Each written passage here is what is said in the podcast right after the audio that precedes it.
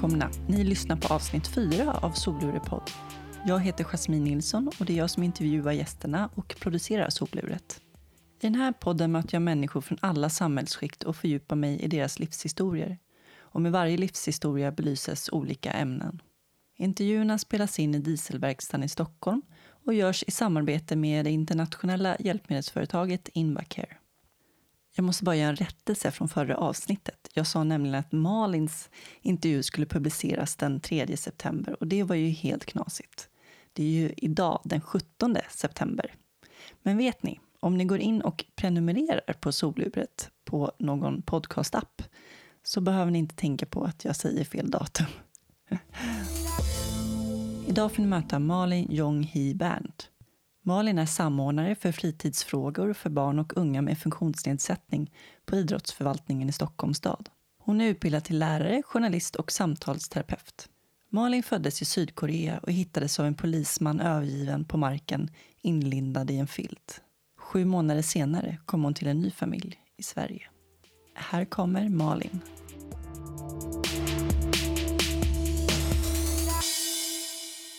Vi lever. We're alive! Lite med kaffe. Mm. Tack. Det ska bli kul att lyssna sen på oss. Mm, mm. Vi får bli varandras fan, fanclub om ingen annan tycker vi är bra så kan vi gilla varandra. ja, men nu rullar det här. Känns det bra? Eller vill du äta upp din kokosboll Nej, jag tar den sen som en belöning. Hej Malin och välkommen till Soluret. Hej Jasmin, tack för att jag får vara här.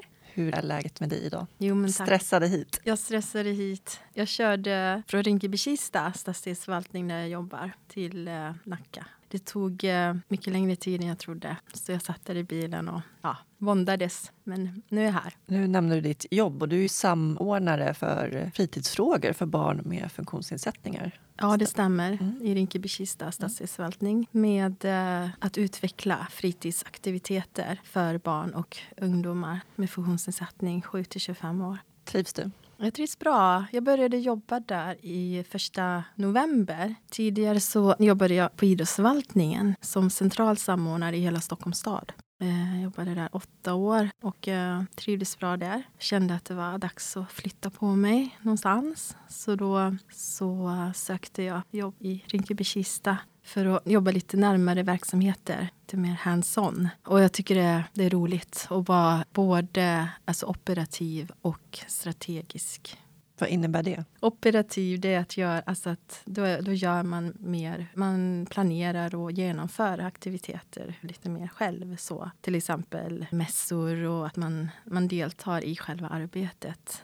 Och att jobba strategiskt är mer att man, man gör eh, handlingsplaner till exempel. Nej, men att jobba strategiskt det är att lägga upp strategier helt enkelt för fortsatt arbete. Hur ska vi arbeta för att fler barn och unga med funktionsnedsättning ska bli mer aktiva och delta i fritidsaktiviteter och så. Och sen har vi en hemsida som heter Fritidsnätet där vi samlar ett fritidsutbud i hela Stockholms län för personer med funktionsnedsättning. Så att man kan gå in där och söka och, och leta. Men jag tycker att vi tar det från början. Du föddes 1973 mm. och hade minst sagt en ganska svår start i livet. Mm. Du föddes i Sydkorea, i hamnstaden, uttalar rätt, Mokpo. Mm, mm. mm. Bra. det var en polisman som hittade dig övergiven på gatan.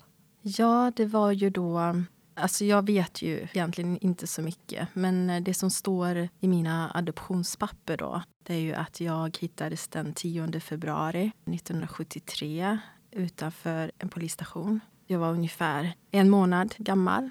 Och sen så lämnade han in mig på ett center för övergivna barn.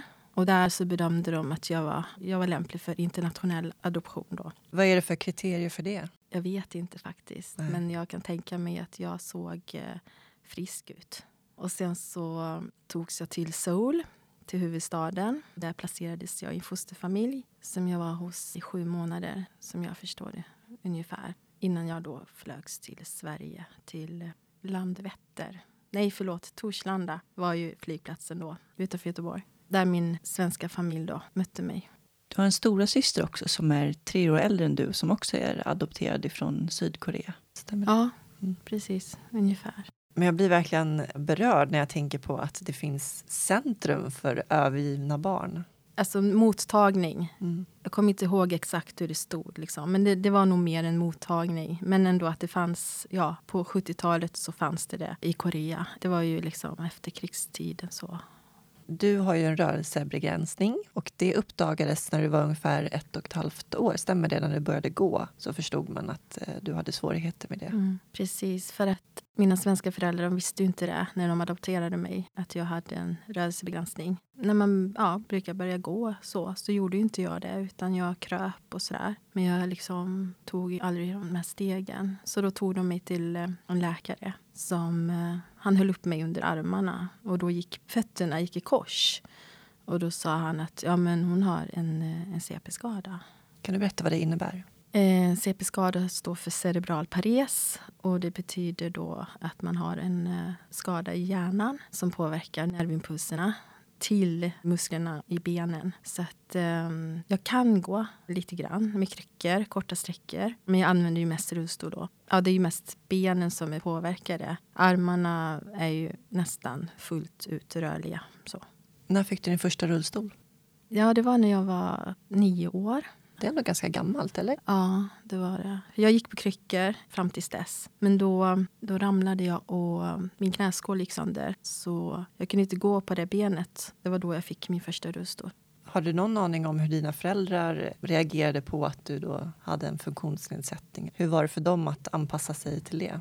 Jag tror att, att de hade ju... Alltså de visste ju ingenting om vad det innebar för någonting. Alltså cerebral pares, vad är det? Det var nog bara att vad ska man säga, hantera det på det bästa sätt de kunde. Och sen när du var tre år, då fick du åka på något slags habiliteringscenter och eh, mm. fick vara själv mycket också. Precis, för det var ju så att på den tiden så, så fanns det ju såna habiliteringscenter. Lite som, institutionsliknande. Precis. Och eh, då var jag ju där flera veckor i taget, från tre års ålder, som du sa. Och eh, mamma fick ju inte då sova i samma hus eller samma rum utan det var en byggnad intill där. Och jag tänker att det, det är ganska tufft när man är så liten för vem som helst. Ja, verkligen tre år. Ja. Men eftersom jag dessutom då separerades från min man säger, biologiska mamma och familj när jag var då en månad gammal. Och sen dessutom, så när jag kom till den här fosterfamiljen så knöt jag ju säkert an till dem och separerades från dem. För du var hos en fosterfamilj innan du kom till Sverige? Ja, precis. Så hade jag varit med om separationer, flera separationer under kort tid. Det blev ju ytterligare trauma kan man säga. De här vistelserna när jag var där utan mamma. Då. Vad har det gjort med dig? Ja, det har ju eh, påverkat mig väldigt mycket. Och eh, jag har ju liksom bearbetat mycket. Men eh, det är fortfarande svårt för mig, det här med, med relationer och knyta an och så. Att våga lita på att människor finns kvar och alltså våga släppa, släppa någon nära och sådär. Och eh, jag tänker mycket på det här med adoptionen. Att, eh, eller den separationen från min biologiska mamma. Att eh, det finns en, en dansk, eller hon det fanns en dansk författarinna som hette Anne-Marit Duve som skrev en bok som heter Det första levnadsårets psykologi. Och hon menar att förutom en fysisk graviditet så är det också en psykologisk graviditet. Och den varar nio månader längre än den fysiska. Så när barnet föds så är man är som ett, barnet och mamman, i cirka nio månader till då för att barnet ska hinna liksom utveckla alla sina funktioner. Och under den tiden är det viktigt att, att det inte bryts. När barn då separeras från sina mammor tidigare än det då tror jag att man blir, man blir extra skör. Så man får liksom inte göra det färdigt den här utvecklingen. Mm, för hjärnan utvecklas ju, den är inte färdigutvecklad nej. när man föds. Utan det är ju mycket som är kvar att utvecklas. Ja, den är inte färdigutvecklad förrän man är 25 år har jag förstått det som. Nej, nej men precis. Verkligen. Och det, jag vet inte om de säger det. De, de fem första åren är det liksom väldigt många såna grundläggande funktioner som utvecklas framför allt då. Så att jag, eh, ja, jag har haft väldigt mycket så depressioner och, och ångest och så som barn och som ung vuxen också. Och um, behövt jobba mycket med mig själv och gått i terapier och sådär. Jag har ju kommit en bra bit. Och framförallt nu så, för det jag vill säga det är att, att det går att läka. Och att det, jag tänker så här att, att ju tidigare skador eller sår man har, desto djupare är de ju. Liksom. Men det går. Det går att, att läka dem. Och nu så har jag hittat en, en person som, som håller mig jättemycket. Liksom, som, det är som att jag tankar näring från honom. Ungefär som en liten bebis liksom, som ligger i sin mammas famn. Jag har ju känt att jag har, har det behovet på grund av att jag inte fick det som, som liten. Och att nu när jag får det här väldigt mycket, då känner jag hur, hur, jag, hur jag läker. Hur jag, liksom, hur jag blir en helare människa. För jag vet inte om du har sett det, men det har varit en, en dokumentär på SVT som heter De ensamma, som handlar om adopterade. Jag tror att den, den har stor positiv inverkan på det här temat. Att man får prata om de här sakerna nu.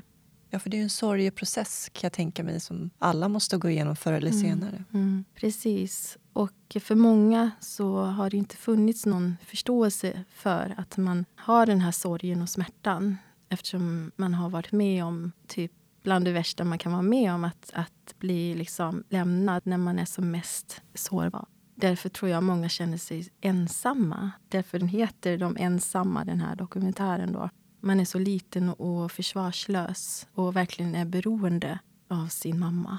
Så det blir som en, eh, nästan som en amputation när man skiljs då, innan de här nio månaderna.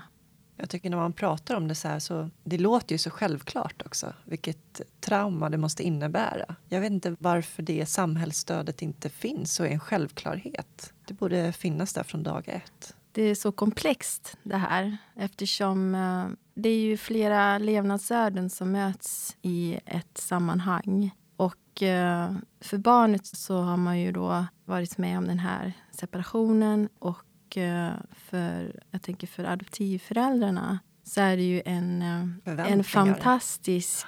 Alltså det är som wow, liksom, vi får ett barn som vi inte trodde vi skulle få då. Och så när adoptionen går igenom då, när man får beslutet att man får adoptera ett barn, så blir det ju liksom en, en, eh, en happy ending på deras eh, liksom, längtan efter barn.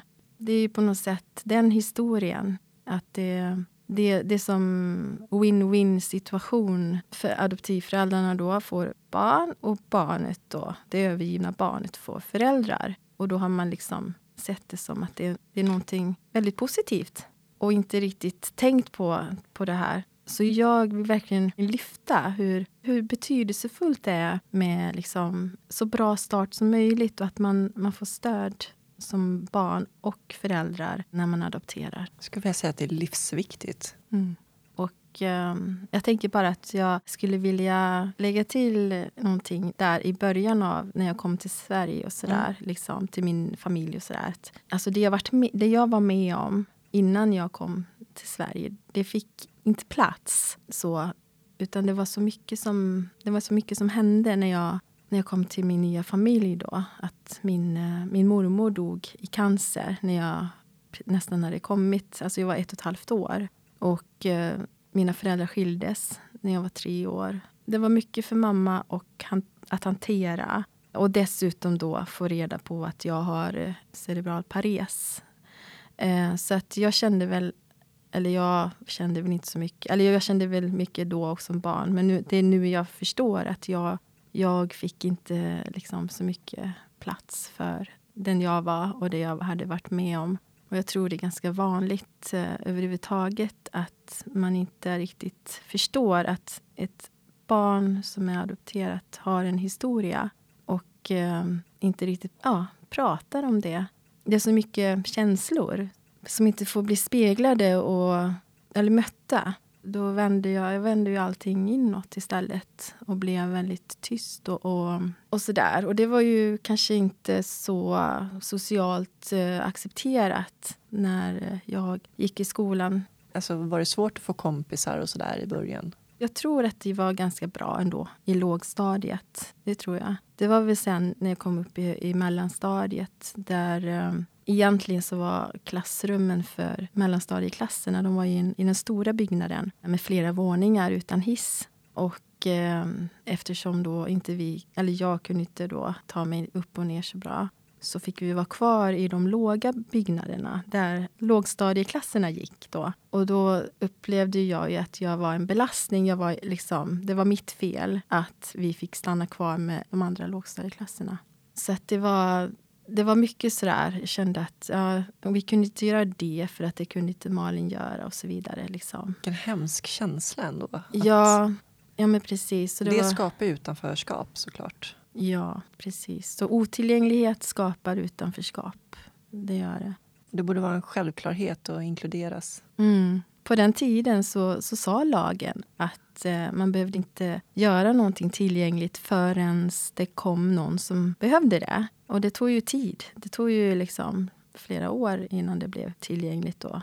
Och nu så säger ju lagen att det ska vara tillgängligt allting från början. Det är ju så skönt. Det hänger ju inte på en enskild individ. Precis. Att det, ja, nu gör ja, det ska ju verkligen inte vara barnens ansvar. Nej, nu bygger vi om det här för din skull. Så, Nej, så det, var, det var mycket som inte var så där optimalt, kan man väl säga.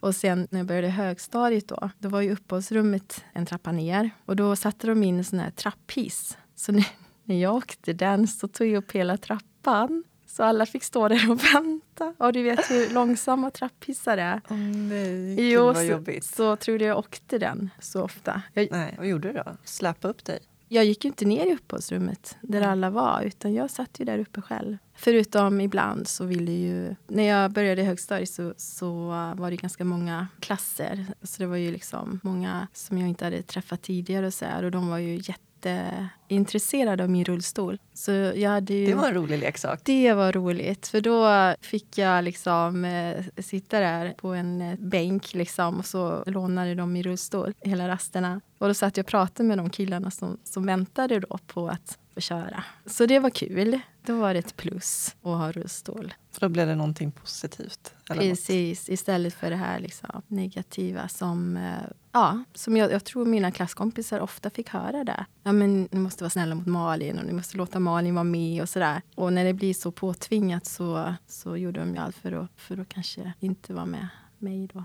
Men jag tror att det finns medvetna lärare som är väldigt duktiga på att få med alla så på ett naturligt sätt. Blev du mobbad någonting? Ja, men jag, var, jag kände ju liksom någon slags utanförskap. Det gjorde jag. Jag blev retad, men inte, inte, för, att jag, inte för att jag har en CP-skada som kanske andra har blivit så, utan det var mer an, andra saker. Att jag var från Korea sådär. Att jag... Eh, Lite mer rasistiska påhopp eller? Ja, fast jag tänkte inte riktigt på det då. Så. Och sen kommer jag ihåg när jag, när jag skulle äta i matsalen och sådär och skulle sätta mig. Hur många så vände sig bort så när jag kom. Så att jag, jag inte kände mig välkommen att sitta där vid deras bord. Och, så det, det kommer jag ihåg var jättejobbigt i skolan. Så just uh, den situationen. Och, och, det här med att välja lag, att nästan varje gång bli vald sist. Um, ja, det är ju en uh, pers för självkänslan när man dessutom inte känner att man liksom hänger riktigt med sådär på olika sätt. och så. När förstod du, eller när fick du veta att du var adopterad? Jag minns inte någon sån här, då, då förstod jag det. Utan det var mer att jag, det var naturligt eftersom min syster och jag inte ser ut som våra föräldrar. Så har jag liksom på något sätt alltid vetat. Kommer du ihåg dina första tankar kring det? Nej, för att um, jag hade fullt upp med liksom att, uh, att förhålla mig till min funktionsnedsättning. Det, liksom, det, det, tog, det tog överhand? Det tog över. Liksom, för att det var det som var jobbigast för mig. För jag tänker så här, som vuxen så betyder min funktionsnedsättning eller rörelsebegränsning, den betyder kanske väldigt lite. Alltså den har kanske 10% inverkan på mitt liv. Det är lite liksom där, var ska jag bo någonstans? Vad ska jag jobba med? Alltså absolut påverkar det mig. Men eh, nästan ingenting annat. så.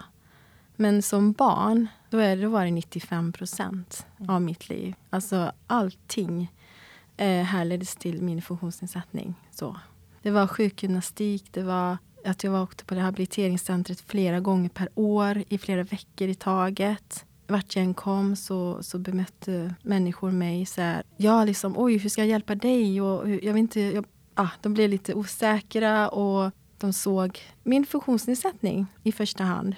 Och när jag då var med andra barn så kunde jag inte vara med och leka väldigt många olika lekar. Liksom. Så, så på rasterna och så, där, så, så var jag väldigt mycket ensam. Och jag satt och tittade på när de andra lekte. Spelade fotboll eller du vet, så här, hoppade hopprep, hoppade twist eller jag vet inte vad det heter. Sån där, mm. du vet, såna här rastlekar och så. Och åkte linbana i skogen. Alltså det var väldigt många saker som jag inte kunde vara med på.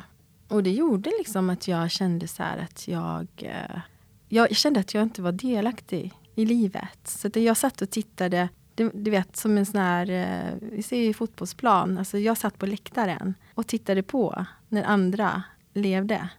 Så jag hade den känslan väldigt, väldigt länge. Och sen fick jag liksom, när jag blev äldre då, så fick jag på något sätt uh, hjälp och stöd liksom, i att bli mer och mer delaktig i livet. Självständigheten då? Uppmuntrade de till att du skulle bli så självständig som möjligt och klara dig själv? För jag har förstått det som att många som har funktionsnedsättning sedan tidigt liksom blir oftast överbeskyddade av sina föräldrar och de vill gärna vara med och hjälpa till och nästan mer skälper än hjälper. Var det någonting du upplevde? Ja, absolut. Eh, så var det så. Och eh, speciellt i vardagen när man skulle iväg till skolan och sådär. Att det fanns inte tid att jag skulle klä på mig själv eller, eller fixa i ordning själv och sådär. Då hjälpte mamma mig, fast jag, jag ville själv och så. Var det svårt att säga ifrån då? Ja, för jag visste ju det på något sätt att uh, får jag ingen hjälp så tar det lång tid och då kommer vi för sent liksom, till vad det nu var. Sådär. Så då fick man ju svälja det. Men problemet är när man sväljer och sväljer hela tiden sådär, så till slut så um, kände jag inte riktigt mina gränser. Alltså, för de blev överkörda väldigt mycket. Så jag, jag har, jag har svårt med, med gränssättning och sådär. Så, så jag, jag håller på att träna med det. Det är jag också kan jag säga. Ja, men det är så tufft alltså. Ja. Det här liksom, för du vet, ända sedan jag var liten så har folk velat hjälpa mig. Och så har jag fått höra så att ja, men människor vill, vill bara väl. Och då är det som att ja, men då är det bara att tacka och ta emot. För deras skull. För deras skull, precis. Och eh, även om jag inte vill ha hjälp så var det som att, nej, men att jag, jag skulle ta emot hjälp för att tillfredsställa till, ja, tillfredsställa personen. andra människor. Så, för så, att de ska känna sig som bättre människor. Det är en, en naturlig instinkt också att hjälpa till. Och det, jag förstår det, verkligen. Men jag kände mig liksom tvingad att eh, tacka för någonting som jag inte egentligen ville ha. Så det, vad heter det, det fuckade upp mig. Kan man säga så?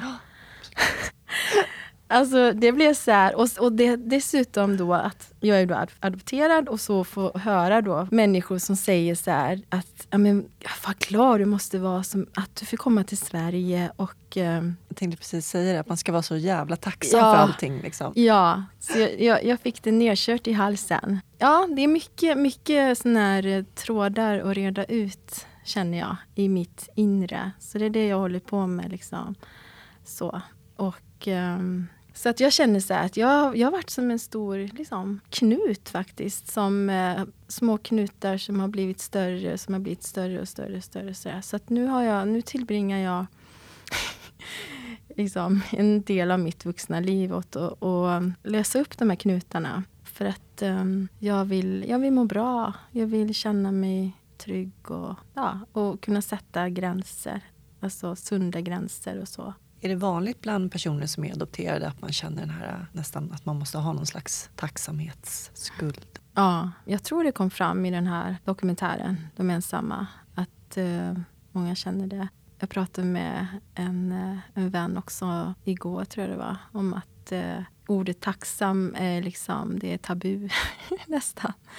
Så att jag kan uppskatta skratta och jag kan vara glad och så. Men att vara tacksam, det, det är ett laddat ord. Är det. För att man fått höra det så mycket. Liksom. Men så kan jag också känna som har erfarenhet av en funktionsnedsättning att egentligen hela tiden sen jag skadar mig att, att jag ska vara så tacksam över all, allting som kommer till mig. De här möjligheterna man har av att bo i Sverige med personlig assistans och man kan leva ett bra liv trots allt och sådär. Mm. Man ska vara så, Mm. känna tacksamhet. Så den, den känslan har jag också haft mycket och har än idag tror jag. Mm. Ja, men precis. Och sen så när man då är, är liten, när man är barn och så kommer det någon och frågar så ja, varifrån kommer du? Och så säger jag att jag är adopterad från Sydkorea.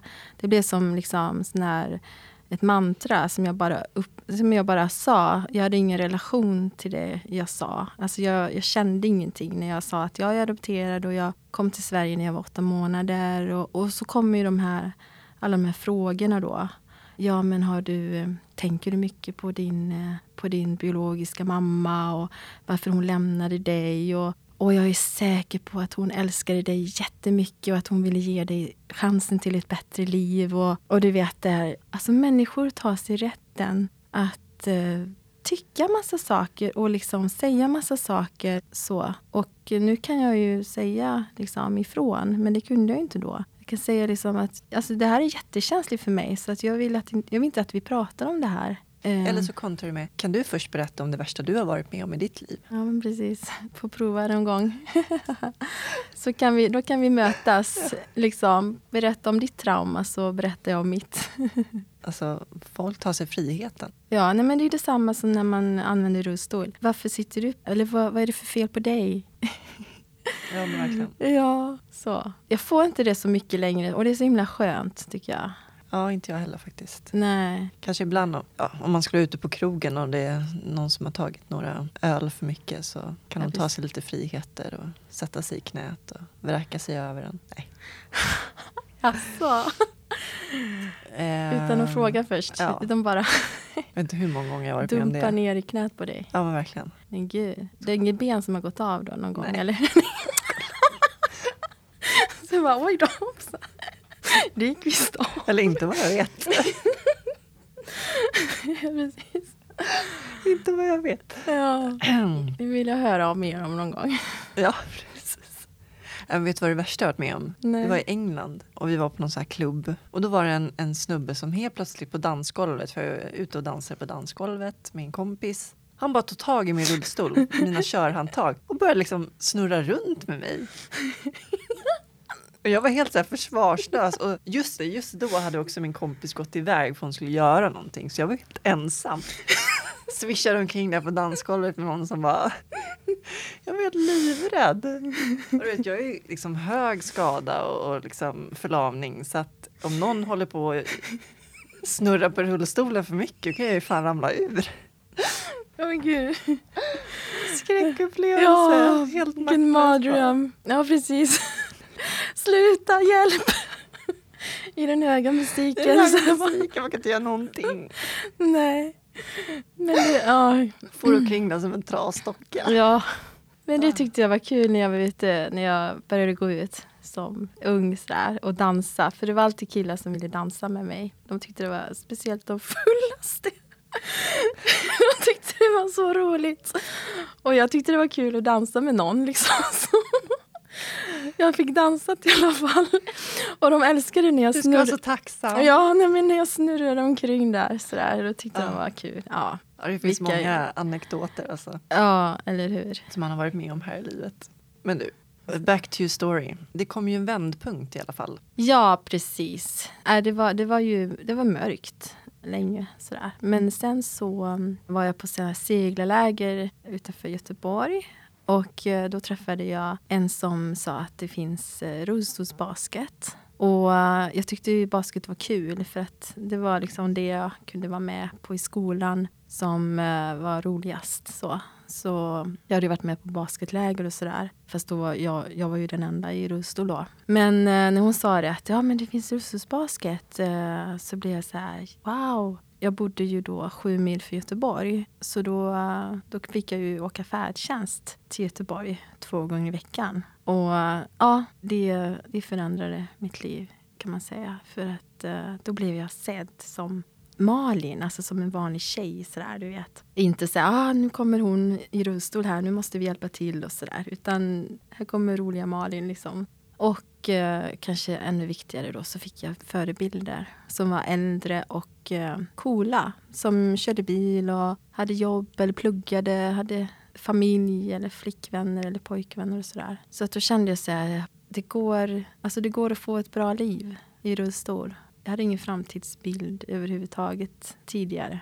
Men det var väl med att du var med i ett sammanhang där du var Ja, en, ja. För, för uh, alltså, du vet i, i den där dokumentären De ensamma, nu, ja, nu hänvisar jag till den igen, men det sa ju flera stycken så att uh, de uh, kände skam när de såg andra adopterade. För de ville liksom inte bli förknippade med dem. Och där jag växte upp var det flera adopterade. Och, och det, jag kände inte så med dem. Men däremot så kände jag otrolig skam när jag såg andra med funktionsnedsättning. Det var som så här, ta bort dem härifrån. För jag vill inte tillhöra den gruppen. Så. För ofta var det ju kanske då personer som hade, kanske, eller barn som hade kanske lite större funktionsnedsättning än mig. Men de jag spelade rullstolsbasket med, de hade ju då andra skador än de jag tidigare hade mött. Och var liksom, om man säger, eh, självständiga och, ja men precis, som jag kunde se upp till. På ett pos alltså kunde identifiera mig på ett positivt sätt med. Och då kände jag att det var inte så farligt faktiskt det här med att eh, ha en rörelsebegränsning. Man kan leva ett normalt liv ändå. Ja, men precis. Vad nu normalt är. Men leva det liv man vill leva. Det har in, inte så mycket med begränsningen att göra utan det har att göra med vem man är. Nu tar vi en kort paus för jag tänkte ringa upp min samarbetspartner Invacare.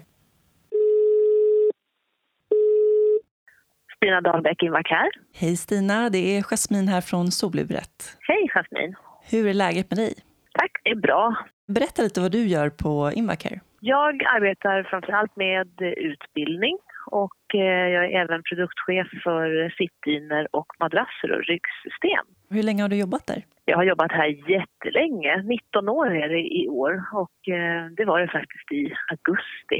Tiden går jättefort när man har roligt. Du eh, jobbar med lite annat också och har andra erfarenheter inom vården just också. Absolut. Så att, eh, jag är sjukgymnast i botten och eh, i år så är det 30-årsjubileum så det är också några år på nacken. Så jag har faktiskt ända sedan jag började på Invacare varit på sjukhus och sommarjobbat helt enkelt som vikarie som sjukgymnast för att hålla fingertoppskänslan kvar och se vad som händer i vård och omsorg. Det måste ju vara enormt betydelsefullt att man har den erfarenheten när man jobbar just med hjälpmedel som ni gör på Invacare. Absolut. Jag känner ju det att det har varit en viktig del för mig men också för trovärdigheten. Att man faktiskt vet vad man håller på med och vad man pratar om när man träffar kunder och eh, de som är slutanvändare av våra produkter. Vi har ju väldigt mycket olika utbildningar också för våra kunder så vi är ett kunskapsföretag och eh, vi jobbar mycket både med internutbildning och extern utbildning. Det är en viktig del för Invacare och ansiktet utåt. Och snart ska du till Sydafrika. Jajamensan. Härligt. Så eh, ja, det ska bli jättehärligt. Jag börjar känna mig lite sugen på semester. Jag hade bara en vecka så att eh, nu blir det en månad i Sydafrika och i Mosambik, jag och min man. Ja, men ni får ha det så underbart. Det ska vi ha, Jasmin, det lovar jag. Jag kan berätta lite mer om det sen en annan gång. Ja, vi får ringa upp dig snart och, och höra hur det var. Ja, gör gärna det. Okej, ha det bra Stina och tack för att jag fick ringa. Samma Jasmin, ha det bra. Hej då. Hej då. Vad hade du för drömmar som barn? Jag hade ingen liksom riktig framtidsbild förutom att jag, jag ville flytta hemifrån och så ville jag ju då naturligtvis träffa någon kille. det var min dröm, tror jag. Ja. Vem var din första kärlek? Eh, herregud. Alltså någonting som betydde mycket för mig det var när jag eh, på gymnasiet så åkte vi eh, Danmarksfärjan. Och då var det ju du vet, nattklubb där då. Och då var det en, han var jättesnygg, en lite äldre kille då som eh, blev intresserad av mig. Så vi, var, vi hängde ett tag. Och det, då kände jag så här att jo, alltså killar kan bli intresserade av mig faktiskt. Det betyder mycket. Det förändrade min självbild lite. Blev det någon förändring då i gymnasiet? Alltså det blev ju bättre i högstadiet. För då, då fick jag ju kompisar i andra klasser och sådär. Och gymnasiet blev ju också lite bättre kan man väl säga. Fast eh, alltså det var ju tufft. Alltså jag, det var inte så tufft i själva gymnasiet. För, för på rasterna så satt vi och spelade kort och så. Och det, det hade jag inga problem med. Men jag hade ju liksom tufft inuti mig. Jag var ju väldigt... Eh, jag hade mycket ångest och, och så. Så att eh, det var liksom att det handlade om att överleva mycket för mig. Ja, fram tills nu kan man väl säga så började jag liksom komma ur den här, det här frusna tillståndet. Så. Efter gymnasiet, hur såg livet ut då? Jo, men då, hur såg då, framtidsplanen ut? då sökte jag till Lärarhögskolan i Malmö. Varför ville du bli lärare? Eh, egentligen ville jag bli psykolog, men jag kom inte in på psykologlinjen. Så tänkte jag så här, men lärare det är bra, det är sån här grundutbildning. Ja, så så då, då, sökte jag till Malmö bland annat och kom in där. Då. Så det var tack vare Roslagsbasketen kan man säga som gjorde att jag jag kände ju det laget i Malmö. Så då kände jag att ja, men då vågar jag flytta ner dit. För jag hade en relation till dem där. Vad fick du för bemötande när du jobbade som lärare? Jag fick bra bemötande. Det var bara kanske en förälder som ifrågasatte om jag kunde... Ja, jag kommer inte ihåg vad hon... Det var någon situation liksom, om jag verkligen klarade det. Men eh, det var svårt för mig att få jobb. Alltså, min, det var ganska ont om lärare då. Så mina kompis, alltså klasskompisar de fick jobb på en gång. Jag sökte hund, över hundra jobb. Jag kom inte på en enda intervju. Hade du en bild på dig själv i CVt? Nej, det hade jag nog inte då. Men jag skrev att jag eh, använde rullstol. Och sen slutade jag med det. Sen tänkte jag, äh, det här går ju inte. Så då, då skrev jag inte det. Och då fick jag komma på massa intervjuer. Några fick ju en chock då. Eller no, ja, en chock och chock. Men, men jag fick ett jobb i alla fall då. När jag gjorde så. Så det är tipset kanske. Men hur agerade de här som blev chockade då? Blev de nervösa? Eller? Ja, de blev lite nervösa och osäkra sådär. Så. så bara, Åh, kunde du ta dig in här och gick det bra? Och, sådär. och ibland var det ju trappor och så. Ofta är det hissar med, man måste ha nyckel och så. Och hur kom du in på journalistiken då? När jag var där i Malmö då, så läste jag till lärare och sen så träffade jag en kille och förlovade mig och flyttade ihop allt det här. Och sen så när det tog slut, jag jobbade som lärare i fyra år och så tog det slut och så kände jag så här, men jag, jag vill göra något, någonting annat och så tänkte jag, men jag flyttar till Stockholm. Och då kände jag också att jag vill inte jobba som lärare längre. Det tog för mycket energi. Då kanske jag ska läsa till journalist istället. Så jag sökte in på Poppius journalistskola. Så gick jag där ett år. Vad var det med journalistiken som lockade? Jo, min dröm har ju varit ett tag då. Det är ju att skriva en bok. Det är ju det. Det är ju roligt att kunna göra det någon gång. Så tänkte jag så här, men eh, om jag går den så kanske jag kan lära mig skriva, skriva bättre och så. Det var nog inte journalistyrket i sig, utan det var mer att jag vill bli bättre på att skriva. Så. Har du börjat på boken än? Eh, ja, alltså jag börjar och så börjar jag igen. Alltså jag har inte kommit så långt. Jo, men no någonting blir det nog. Vad ska det handla om? Ja, men mycket om det här faktiskt.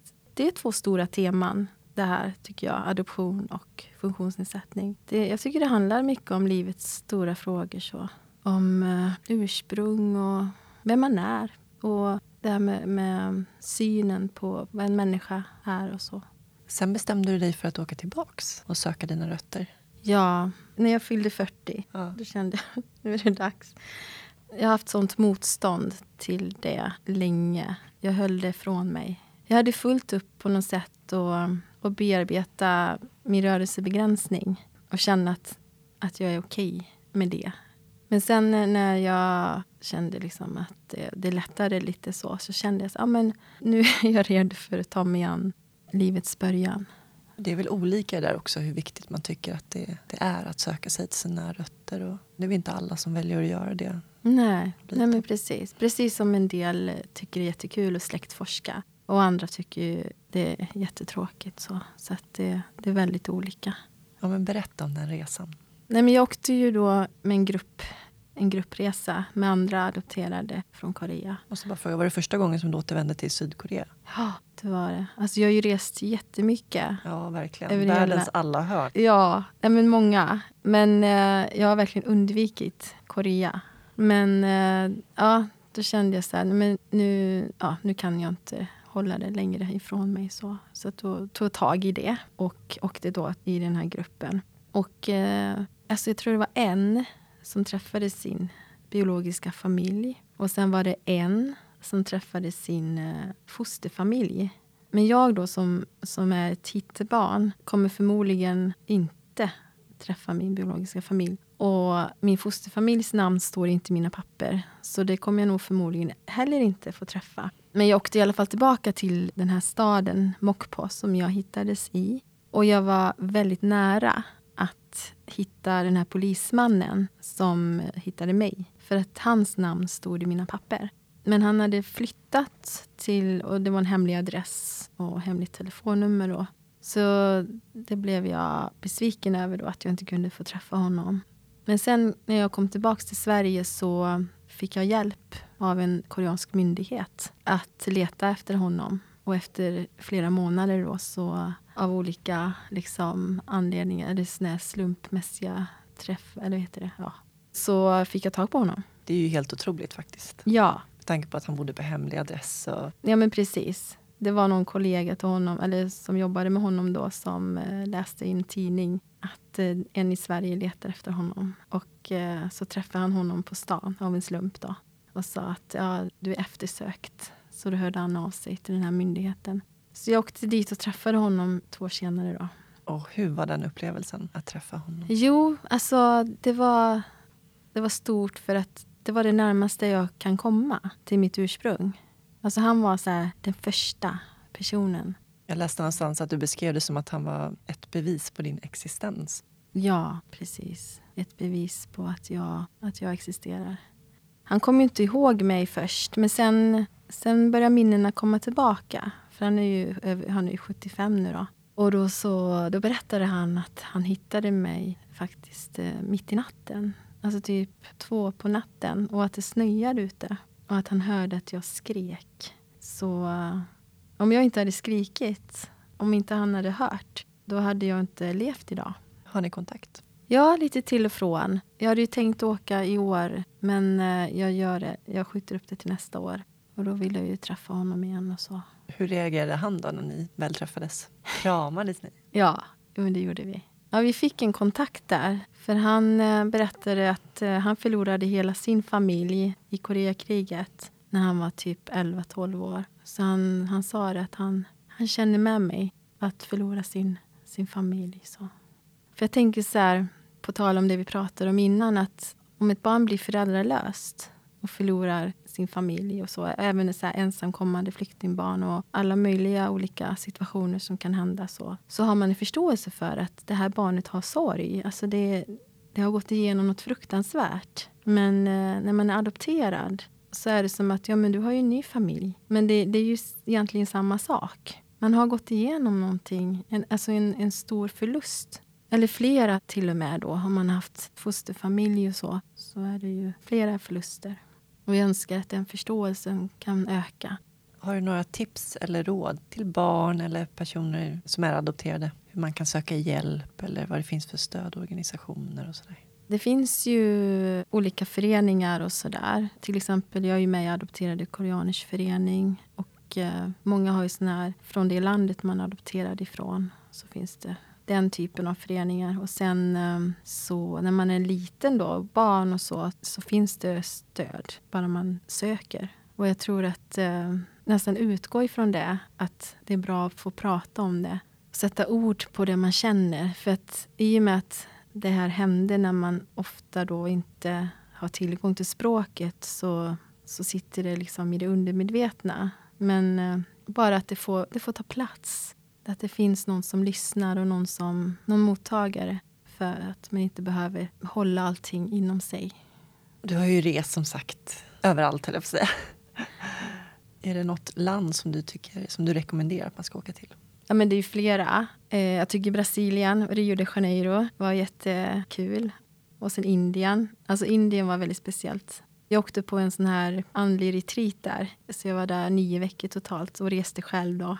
Och jag kan säga att det är tack vare att när jag gick i gymnasiet så var vi på en skolresa. Och då var vi ute i Skagen, i de här sanddynerna. Och då var det så självklart att jag skulle sitta som vanligt då och titta på när de andra skulle gå ner till, i sanden där. Då. Men då var det en kille som sa så att ja, men det är klart du ska följa med. Så han och tre killar till då, de lyfte upp mig i rullstolen och bar ut mig i sanden.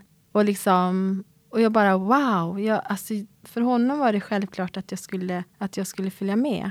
Och sen dess så, så har jag liksom den bilden att jag, jag ska inte bara sitta och titta på utan jag ska göra grejer själv. Och sen det att jag flyttade till Malmö och har utvecklat en, en stark självständighet som gjorde då att jag, jag vågar ge mig ut och resa själv och, och känna så att jag litar på att det löser sig när jag kommer dit. Naturligtvis är det bra att, kolla, och reka lite innan och så. Ja, det var, det var en speciell resa överhuvudtaget där. För att uh, den här retreatledaren, han sa till mig så här att det är som att jag, jag är en halv människa. Att jag, inte, jag inkluderar inte mina ben i min medvetenhet. Så att uh, jag tänker inte på mina ben. Utan jag, jag, är liksom, jag är väldigt närvarande i min överkropp. Men inte så mycket närvaro i benen. Och sen dess har jag jobbat med det jättemycket. Så jag har gått på massa olika såna kroppsbehandlingar och terapier och, och tränar. Nu tränar jag spinning till exempel som gör att jag rör på, på benen då mycket. Så nu, nu känner jag så att jag har mycket mer med närvaro i benen och det känns väldigt skönt att jag liksom har blivit en mer hel människa på det sättet också, liksom rent fysiskt. så. Så det som slår mig när vi sitter och pratar här också, det är ju att du är otroligt modig. Jag har en jättestark vilja och övertygelse om att jag kan må bra och att jag, jag vill liksom bli en... Eh, allt det jag är. Jag känner så att det jag inte kunde som barn då, det jag inte fick som barn det här liksom att utvecklas i lugn och ro tillsammans med min mamma. Då. Att jag kan göra det nu tillsammans med den här vännen och känna så att jag blir tryggare och tryggare. För jag har haft en sån stor inre otrygghet. Och att jag nu då känner att jag blir tryggare och tryggare och, och får tillgång till fler delar av mig själv som har varit då oåtkomliga tidigare för att de har varit frusna. För som barn så man har inte redskapen att hantera starka känslor. Då fryses de ner på något sätt. De är kvar i kroppen. Och de blir inkapslade. Och sen så utanpå så har man liksom, bygger man upp försvar för att skydda sig. Och så tar det lång tid att bryta ner de här försvaren. Eller att smälta menar jag, inte bryta ner för det låter så brutalt. brutalt. Men eh, att smälta försvaren så att man får kontakt med de här djupaste frusna delarna som man har i sig och att de kan tina i närvaron av en eh, kärleksfull person. Vad fint. Jag blir rörd. Oj då. ja, nej men det, det går. Alltså jag vill säga det, det går. Det tar en jäkla tid, alltså, men det går. Jag tänkte det här, du vet, många som är adopterade får inte möjligheten att hitta sitt ursprung eller sin, sin biologiska familj, var man kommer ifrån. Och eh, alltså det, det är någonting som saknas. Alltså det är en pusselbit som, som saknas i ens liv. Tror du många är rädda också för att såra sina adoptivföräldrar? Mm. De är rädda att göra dem mm. ledsna. Oh ja, det tror jag. Det är en del som, som först börjar när, när adoptivföräldrarna har gått bort. Så absolut. Jag vet inte, visst har du sett Stjärnornas krig? Du vet den här stora eh, farkosten. Absolut. Och så kommer det ut såna små, där det sitter en person i de här små grejerna som, som skjuter då på andra. Och eh, att bli adopterad, eller att, att bli övergiven eller lämnad, det är som att då, då tappar man kontakten med, med moderskeppet. Alltså man är helt... Nu är man ensam i rymden. Man blir bortkopplad. Ja, man, man kopplas bort från... Navelsträngen Precis. klipps. Och eh, ja, det är så det känns för mig. Du tror att de flesta skulle egentligen vara bekänt av att, att hitta sina rötter? Mm, det tror jag. Man kan ju aldrig få igen det som man inte fick som, som bebis. Alltså den tiden är ju förbi.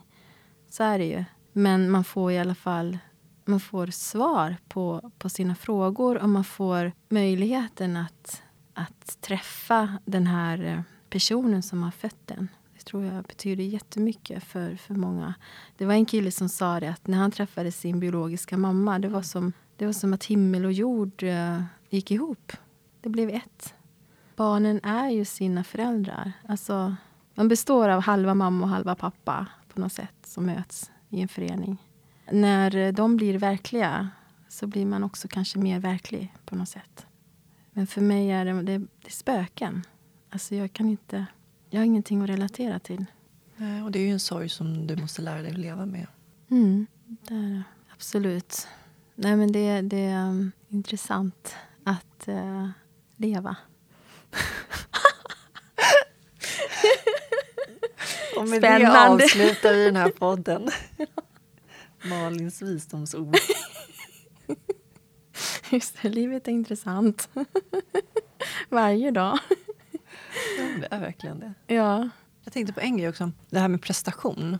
Tror du också det är ett vanligt förekommande att man känner att man måste prestera bra liksom bara för att man att nu måste man verkligen visa framfötterna och vad man går för. Och så. Mm, Så för det kan ju relatera till att ha en funktionsnedsättning också. mm, För så har jag känt sen jag hamnade i rullstol att nu måste jag liksom visa framfötterna ännu mer och jag måste liksom prestera ännu bättre än alla andra mm, för att liksom Mm. synas och visa att man, man duger helt mm, enkelt. mm. Ja, men absolut.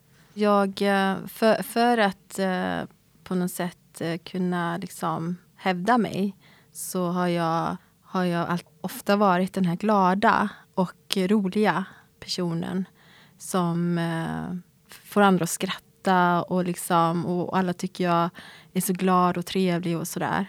Eh, och det är jag ju också. Men det har varit som en, en överlevnadsstrategi för att folk inte ska tycka synd om mig och för att så här, ja, men folk ska se hur glad jag är. Jag alltså det är inte synd om mig, för jag är ju jätteglad. Kan ni inte se det? Liksom. Så har det varit mycket som jag också har, eh, har fått eh, ja, jobba med. Liksom att jag måste inte alltid vara glad. Glad och tacksam. Glad, kåt och tacksam. Jag fick en kommentar eh, häromveckan när jag var på promenad med hunden. Så mötte jag en annan hundägare och det var en äldre man och så sa han ja, ja först så pratade vi lite om hundar och sådär. Sen helt plötsligt sa han jag tycker så synd om sådana som er som sitter i rullstol. Aj, aj, aj. Och man blir så här... Man, för det första så blir man ju så överrumplad. Vet inte liksom vad man ska säga och hur man ska agera. Och bara, jag bara sa så här. "Nej, Det behöver du verkligen inte vara. Jag mår jättebra. Du behöver inte vara ledsen för min skull. Nej. Det är ju det, man blir lika förvånad varje gång. Eller liksom, jag tycker det är svårt att, att veta vad man ska säga i, i sådana situationer. För det är ju ett förminskande. Då ska man helt plötsligt övertyga den människan om att man mår bra. Ja. Jag mår jättebra. Jag är lycklig. Ja, ja men precis. Så det är inte konstigt att man, man har fått den sidan som vill verkligen visa hela världen att jag, jag mår bra, jag är glad och jag klarar mig själv. Jag behöver ingen hjälp. Så var det ju jättemycket för mig i tonåren. Liksom. Jag klarar mig själv. Jag vill inte ha någon hjälp. Och fast det var tio trappor, höll på att säga, men tio trappsteg så, här, så skulle jag gå själv. Och jag skulle, jag skulle bära rullstolen själv. själv. Ja. Jag, jag höll mig i räcket med ena handen och så släpade jag rullstolen med andra handen. Fast alla sa så här, men kan inte jag få hjälpa till? Och bara, nej, det här kan jag själv. Alltså det var jätteviktigt för min värdig, värdighet liksom, och självrespekt då.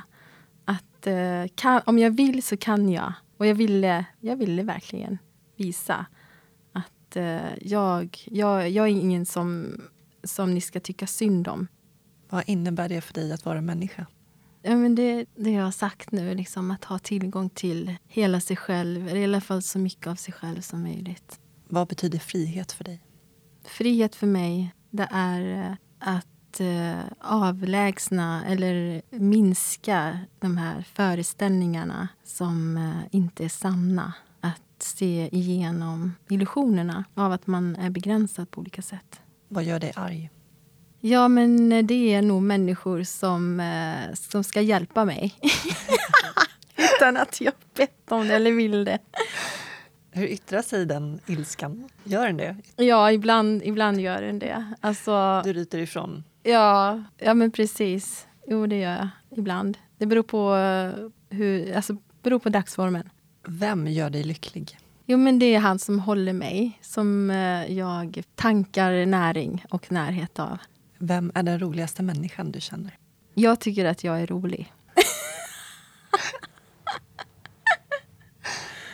Du är rolig.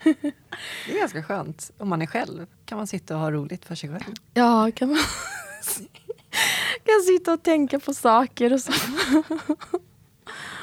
och skratta. Ja.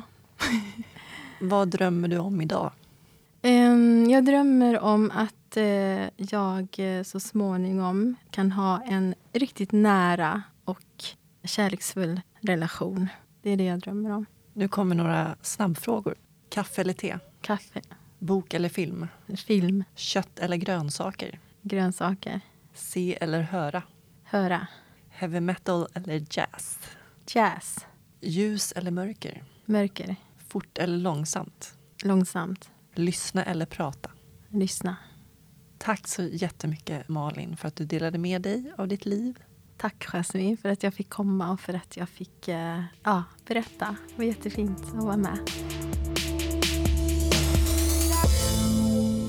Härliga Malin, en underbar människa med ett skatt som verkligen smittar av sig.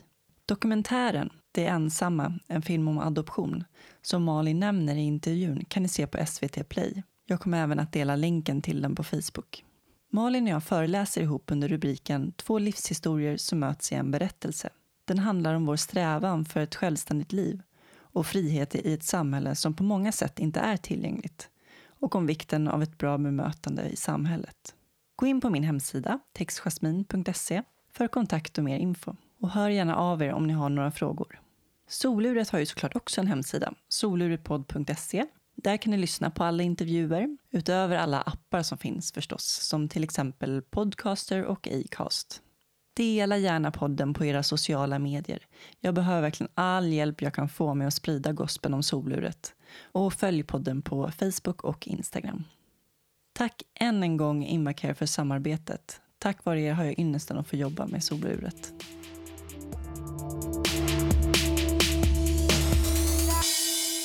I nästa avsnitt får ni möta Jakob Freiman. Jakob har ett långt förflutet som kriminell och levde under många år i den organiserade brottsligheten. Han växte upp i en dysfunktionell familj med en pappa som var kriminell och Jakob fick tidigt i livet bevittna saker som ett barn inte ska behöva se. Efter att ha blivit dömd 14 gånger bestämde han sig för att vända livet och tog hjälp av KRIS Stockholm. Han började sedan arbeta som motivatör till andra i liknande situation och startade en krisförening i Södertälje där han nu bor med sin sambo och två döttrar. Den här gången ska jag inte säga fel datum när nästa avsnitt kommer. Avsnittet publiceras söndag den 1 oktober, så stay tuned. Med tanke på dagens gäst avslutar jag med ett citat av Joyce Maguire Pavoe. Adoption handlar inte om att hitta barn till familjer. Det handlar om att hitta familjer till barn. Tack för att ni lyssnade och ta hand om varandra. Hej då!